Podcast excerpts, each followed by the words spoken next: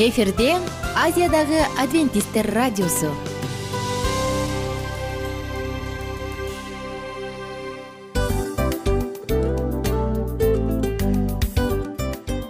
Достор салют.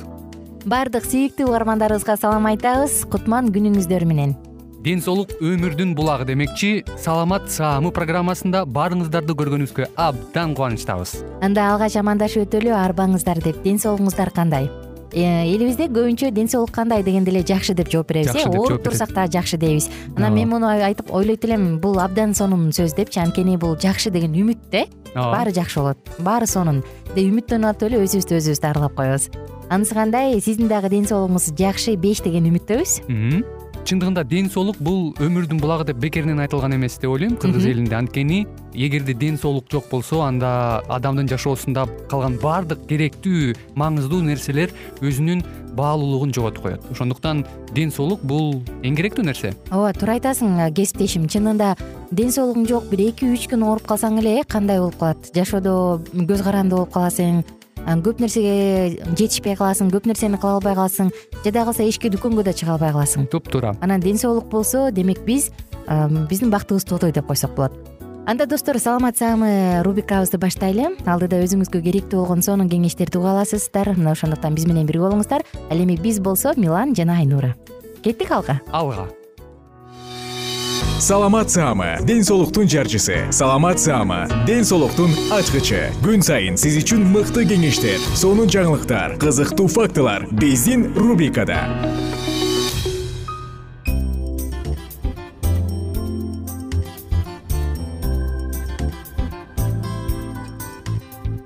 кутман күн достор. Жалпыңыздар менен саламдашып саламат саама рубрикасын баштадык. Сиздер менен бүгүн дагы биз ичеги карын инфекциялары жөнүндө сөз кылмакчыбыз. Анткени алдыда жай мезгили күндүн ысыгы аптап жана ич өткөктөрдүн маалы башталат эмеспи. Конокторубуз бар. Коногубуз биздин дарыгер инфекционист эжекебиз токтогожоева алтын мусаевна жана дарыгер эпидемиолог казиев балгарт казиевич. Саламатсыздарбы? Саламатсыздарбы. Биз уктуруубузду улантабыз жана мурунку уктуруубузда ичеги карын инфекциясынын булактары же оорунун булактары болуп эмне эсептелет? Ушул жөнүндө сөз кылып атканбыз эске сала кетсек балгар казиевич бизге кир колдор жуулбаган чала була жуулган мөмө жемиштер жашылчалар деп айтып берген үйдөгү бөлмөдөгү температурада туруп калган бир түнөгөн тамактар деп айтып берип кеткен. Уланта кетсеңиз дагы эмне оорунун булактары болушу мүмкүн? Дарбызды айтып кеткен байкебиз. Ошол эле жана дарбыздагы маселени айтып кеттик го. Ошол анан баягы көчөгө көп сатып атышпайбы көчөдөн сатып албай колдон келишинче жанагы атайын магазиндерден сатып алса ошолорду дагычы себеп дегенде көчөдө ар кандай мисалы эмнени эмени дарбызды. Дарбыз коондорду мисалы трассанын жээгине коюп коюп алышып эле ошону сатып атышат да. Ал мисалы ар кандай зыяндуу заттарды тиги сиңирип алышы мүмкүн ошондуктан да көп отравлениялар кездешиши мүмкүн да. Ошондуктан баягы көчөдөн албастан магазиндерден э, сатып алгыла деп мен кеңеш берип кетмекчимин да сиздин оюңузча магазиндегилер тазараак болот. Баягы огороддон полядан сразу эле магазинге алып келишкендер учурларда көбүрөөк тазараак болот да себеп дегенде. Алар баягы тигилерди баягы топурак менен кармабастан жууп тазалап видин чыгарып анан сатышы мүмкүн да. Ошондуктан тигилер топурагы менен эле кошо сата бериши мүмкүн. Эң жакшысы үйгө алып келгенден кийин өзүң эле ваннага жакшылап салып сыртын жууп э? эң жакшысы ошол да анан жеген жакшы го дейт көчөдөгү ой кудай сактасын биз эчтеке болбойбуз алып кел жей беребиз деп чалап эле ачып эптеп бир жерден бычакты алып келип алышып анан бычакты таап келип элбай ушул жарып бир бале кылып жеген учурлар да көп болуп атат анан жок кээде карап таң каласың да мисалы айылда топуракта эле кир чоңойгон балдардын ден соолугу шаарда аябай кынаптап тим эле таптаза чоңойткон балдардыкынан мындай иммунитети бекем келет го анан карап таң каласың да ал жакта балдардын ичи өтпөй эле эчтеке болбой эле жаштаңкай эле жүрөт а биздикилер шаардыктар чүчкүрүп койсо ооруп калгандарчы таң каласың ал жагынан. Дагы кошумчаңыз болсо кошумчалар дагы кошумчалар ошолор. Жанагы айтып өткөн основной кошумчалар ошолор.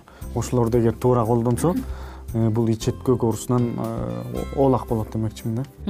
Кошумчаңыз бар сурокторун дагы карап алыш керек. Кисломолочный продукты деп коет мен сүттү кефирлердин сурокторун карап ошол убагында ичип ичкенден кийин аны э, сразу эле холодильникке коюп туруп анан андан кийин ичпесе ысык болгон жерде көбүнчө жайында ошону байкабай ичип алышат. Же болбосо качан алып чыкканын холодильниктен билишпейт да башка үй бүлөнүн ичиндеги балдары же ичип алышы мүмкүн да ошондон отравление болуп калышат да. Анан бул отравление болгондо именно ошол сүттөн экенин же болбосо эменин өзүлөрү биринчи айтып берет ушуну ичсем даамым кичине эмеле же болбосо тамактан болсо бул түрүндө аябай катуу жарым алты сааттан кийин эле кичинекей балдардыкы башталышы мүмкүн да. Кээ балдардыкы значит бир суткадан кийин башталат да.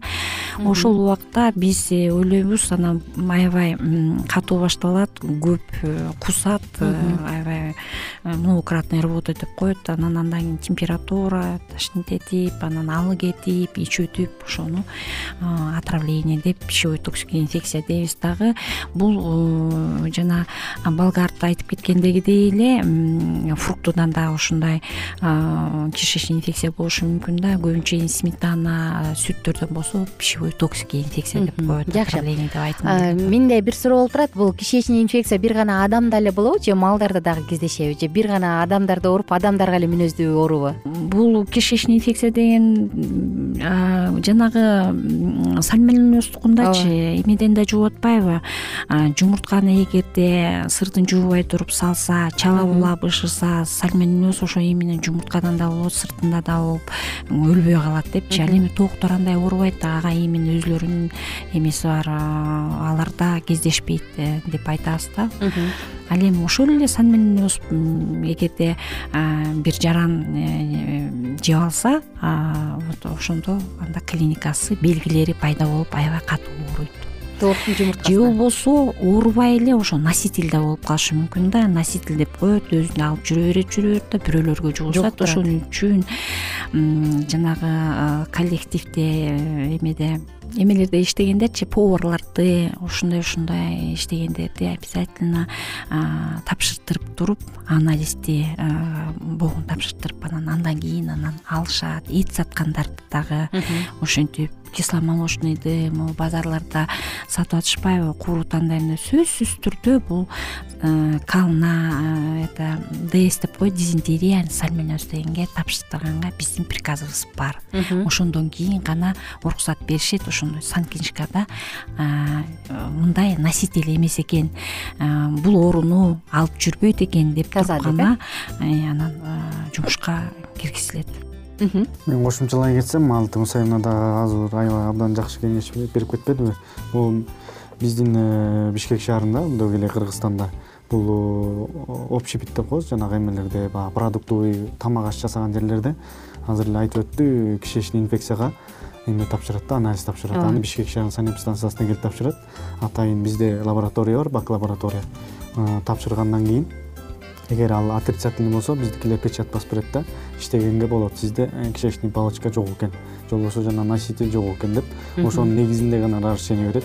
Если биздин проверка барып калган учурлар медицинский книжкада ошол биздин именно бак лабораториянын печаттары жок болсо сан минимум деп коебуз баягы биздин отдел гигиена питания деген отдел бар. Ошол ошол повардун ошол ичинде кандай гигиенаны сакташ керек? Ошол жөнүндө Э, атайын сабак болот. Бир сааттай где то бир сааттай болот. Ошондо бүт үйрөтөт да. Ошону үйрөтүп туруп анан сан минимум деп коет ага өзүнчө печать басып берет. Ошонун негизинде баягы ким э, баягы частный болобу же болбосо гос болобу баардыгы барып э, эмеден өтмөйүнчө частный болобу гос болобу жумушка албайт жакшы бул темага биз алдыда кайтабыз. Менин суроом мындай болот да. Сиздер ушул жакта мисалы тамак аш ашпозчулар болобу бала бакчаларда ашпозчулар болобу ошол иштеген адамдарды барып текшерип турасыздарбы?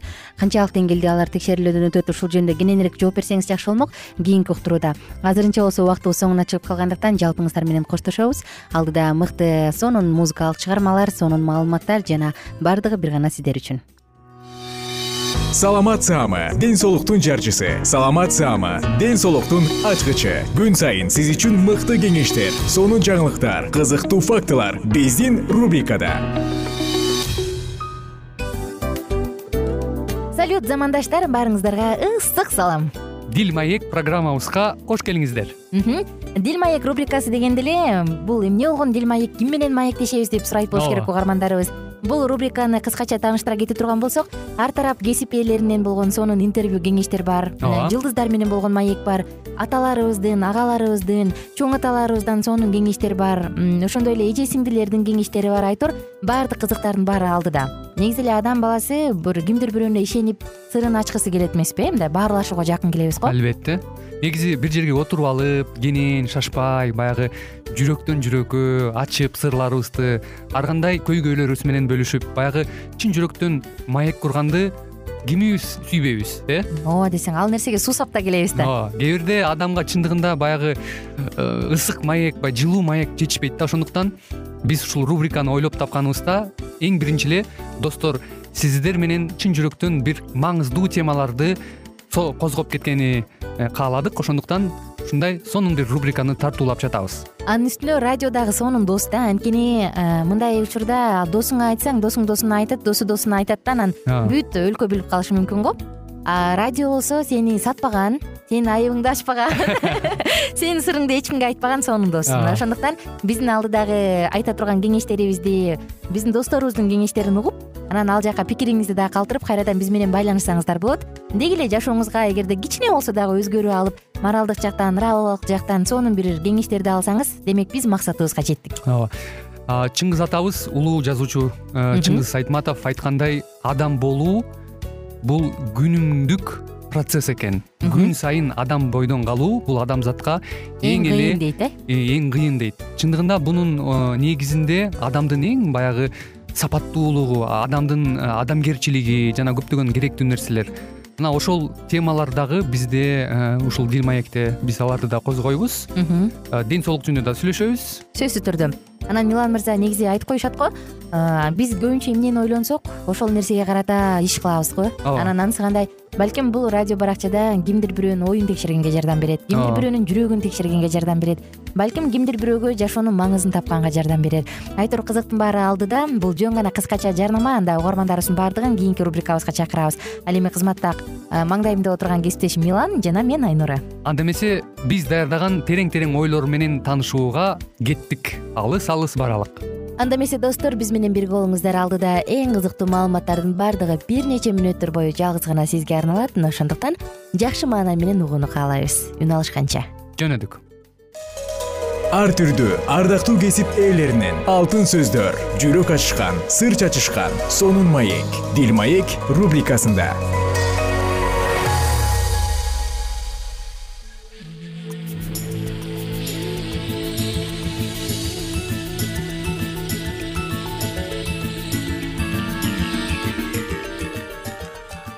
саламатсызбы ардактуу радио угарман кайрадан эле сиздер менен биргеликте бактылуу никенин баалуу эрежелери аттуу берүүбүздү баштайбыз.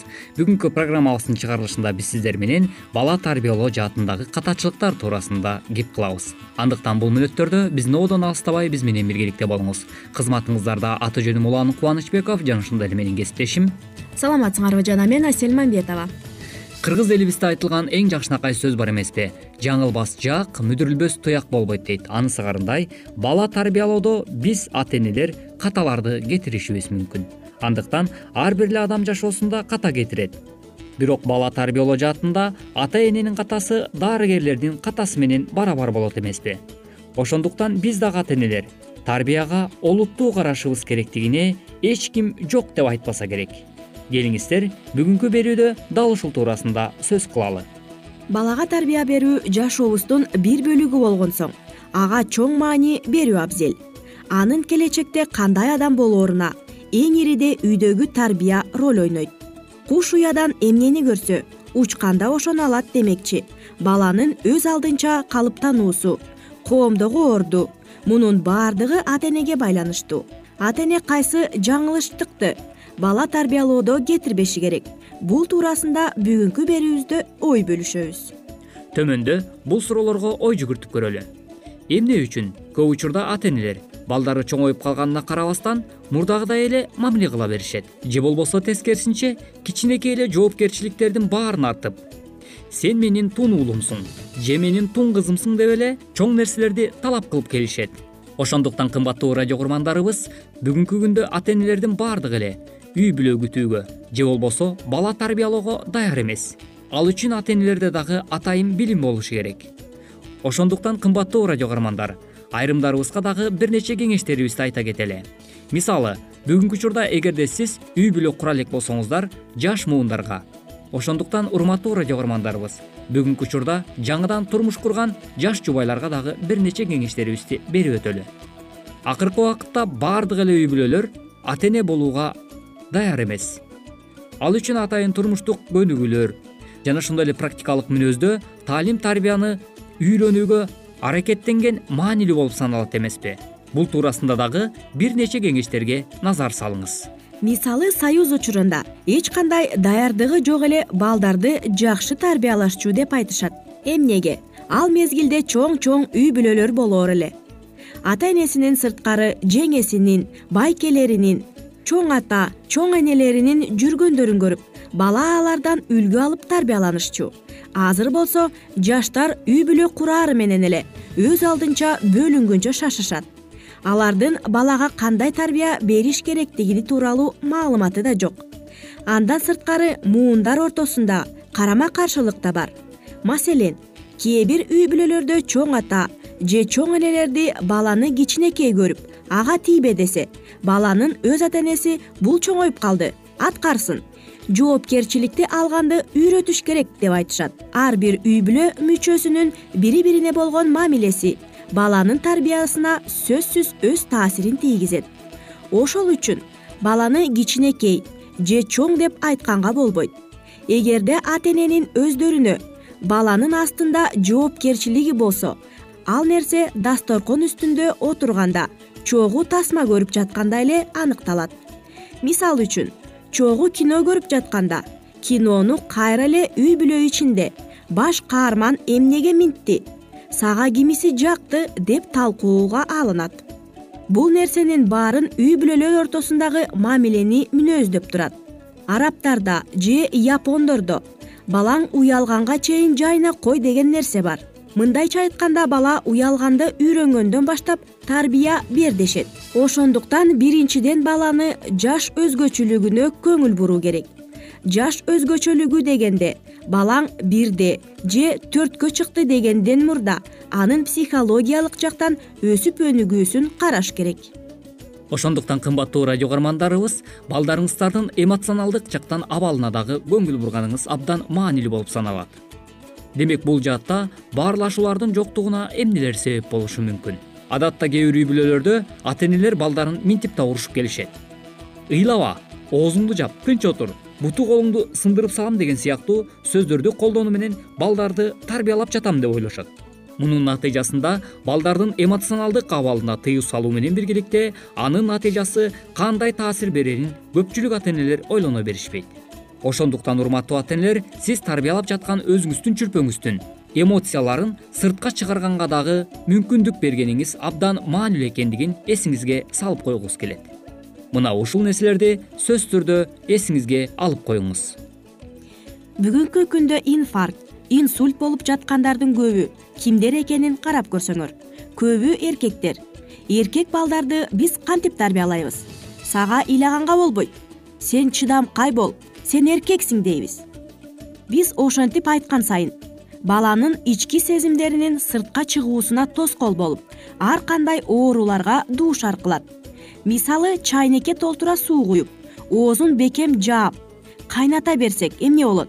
Ал чайнек жарылат капкагы ыргыйт ошол сыяктуу эле адамдын ичиндеги кайгысы кубанычы кыжырдануу сезимдери сыртка чыкпай жүрө берсе ден соолугунан бир жерин жарып чыгат айталы канчалык адам кыжырданып кекчил болсо ачуусун сыртка чыгара албаса боору ооруйт же эртең эмне болот деп дайыма коркуп кандайдыр бир санаа менен жүрө берсе бөйрөгү ооруйт деп коюшат. Ар бир оорунун психосоматикалык жактан байланышы болот дешет. Мындайча айтканда оорунун жетимиш сексен пайызы адамдын ички сезимдерине байланыштуу болот ошондуктан кичинекей балдарды сезимдерин ичине катканга эмес тескерисинче жеңил чыгарганга үйрөтүш керек. Көйгөйлөрдүн баары ушул жерде болуп жатат. Балдарды ыйлаба жаагыңды жап дебестен сезимдерин сыртка чыгарууга жардам бергиле. Уктуруубузга назар салганыбыз үчүн ыраазычылык билгизүү менен биргеликте кайрадан эле биз сиздер менен бактылуу никенин баалоо эрежелери аттуу уктуруубуздан кезиккенче сак саламатта болуңуз ар түрдүү ардактуу кесип ээлеринен алтын сөздөр жүрөк ачышкан сыр чачышкан сонун маек дил маек рубрикасында. Жан дүйнөңдү байыткан жүрөгүңдү азыктанткан жашооңо маңыз тартуулаган жан азык рубрикасы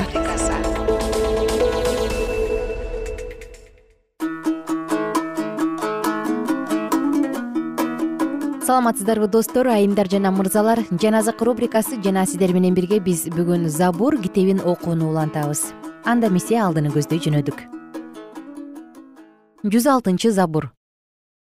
Теңирди даңктагыла анткени ал жакшы. Анткени анын ырайымы түбөлүктүү.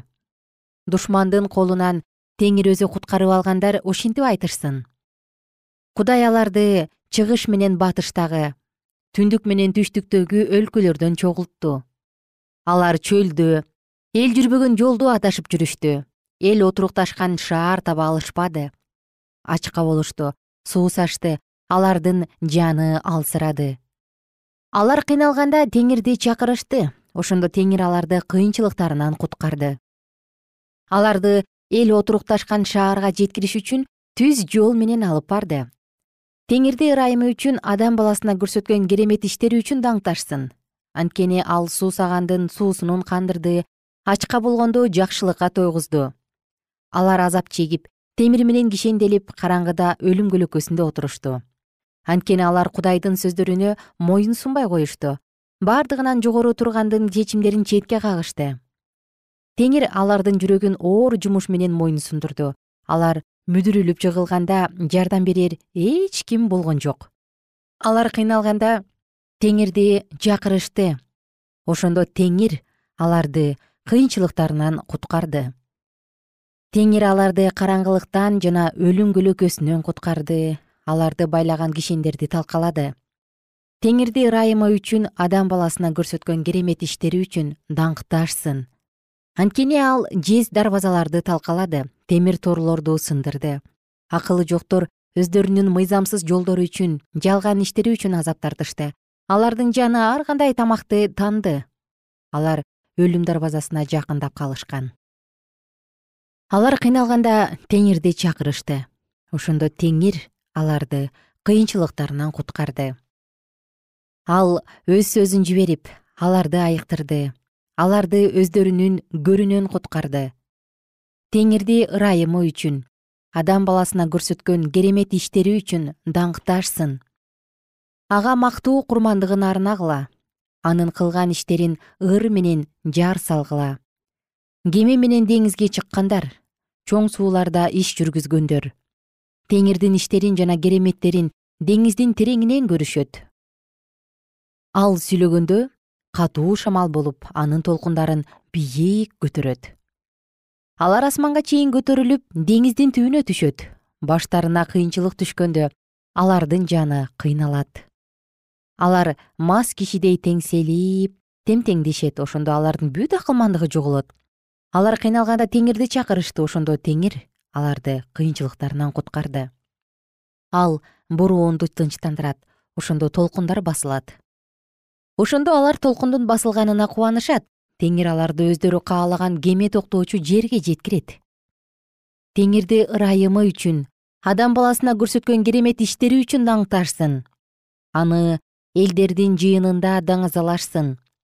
Аны аксакалдар жыйынында даңкташсын ал дарыяларды чөлгө айландырат суу башаттарын кургактыкка айландырат. Тургундарынын мыйзамсыздыгы үчүн түшүмдүү жерди шор жерге айландырат ал чөлдү көлгө айландырат. Какшыган жерди суу башаттарына айландырат. Ал жерге ач жылаңачтарды отурукташтырат. Алар ал жерге шаар куруп жашашат. Талааларга эгин айдашат жүзүмзар отургузушат жүзүмзарлар аларга мол түшүм беришет кудай аларга батасын берет. Ошондо алар сан жеткис болуп көбөйүшөт. Алардын малы да азайбайт алар азайышты алар эзүүдөн кыйынчылыктардан кайгыдан кырылышты. Ал төрөлөрдү уятка калтырып аларды жолдору жок чөлдө адаштырып таштайт. Жакырды болсо кыйынчылыктан куткарат. Анын укум тукумун короо короо койлордой көбөйтөт. Адил адамдар муну көрүп кубанышат. Ал эми кудайсыздар ооздорун басышат. Ким акылдуу болсо ал муну байкайт жана теңирдин ырайымын түшүнөт жүз жетинчи забур. Ыр дөөттүн забуру. Кудайым менин жүрөгүм даяр мен ырдайм аспап чертип ырдайм ойгон жаным ойгон арфа жана гусли мен эрте турам.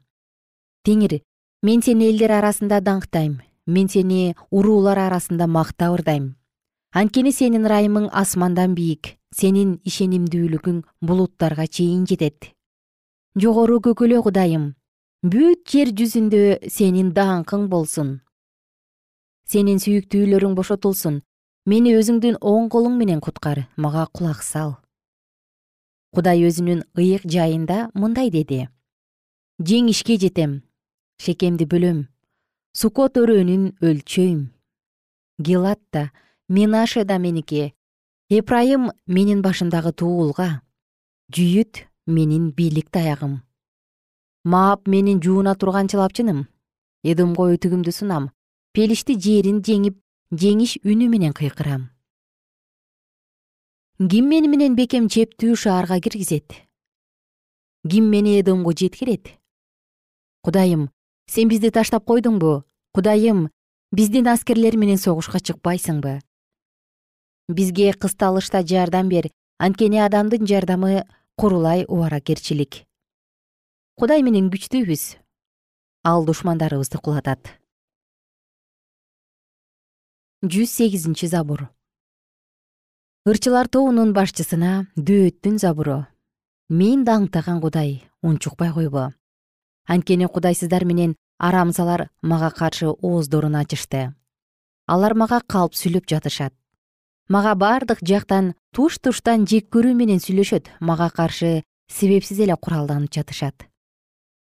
Сүйүүм үчүн алар мага каршы чыгып жатышат. Мен болсо сыйынып жатам.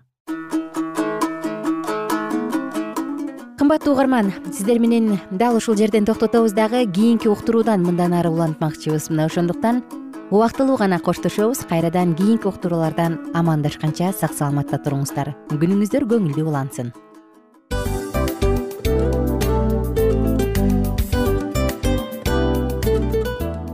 мына ушинтип убакыт дагы тез өтүп кетет экен. Биз дагы радио уктуруубуздун аягына келип жеттик. Келип кубандырдыңар эми кетип кубандыргыла деп тамашалап калышат эмеспи анысы кандай? Радио баракчабызды программабызды азыр эле баштап аткандай болдук элек. Мына соңуна келдик э? Негизи убакыт э, билинбей өтүп кетет экен?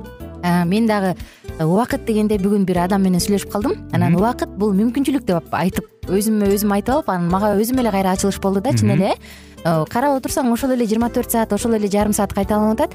Бирок сендеги мүмкүнчүлүк жок ошол кой берилип кетти? Анысы кандай? Бүгүнкү сонун убактыңызды алтындай болгон жарым саатыңызды бизге бөлүп арнаганыңыз үчүн ыраазычылык айтабыз.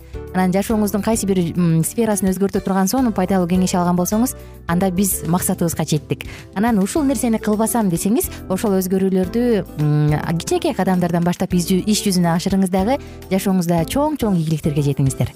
Чын жүрөктөн ар бир берилген кеңештер сөздөр сиздерге пайдасын алып келет деп ишенебиз жана кийинки уктурууларда сөзсүз түрдө чыдамсыздык менен сиздерди күтөбүз. Сагынычтуу салам айтып кайрадан дал ушул жыштыктан баардыгыңыздарды тосуп алганча кызматта мен айнура жана кесиптешим милан. Анда кол булгалайбыз жалпыңыздарга ийгиликтүү күн. Саламатта калыңыздар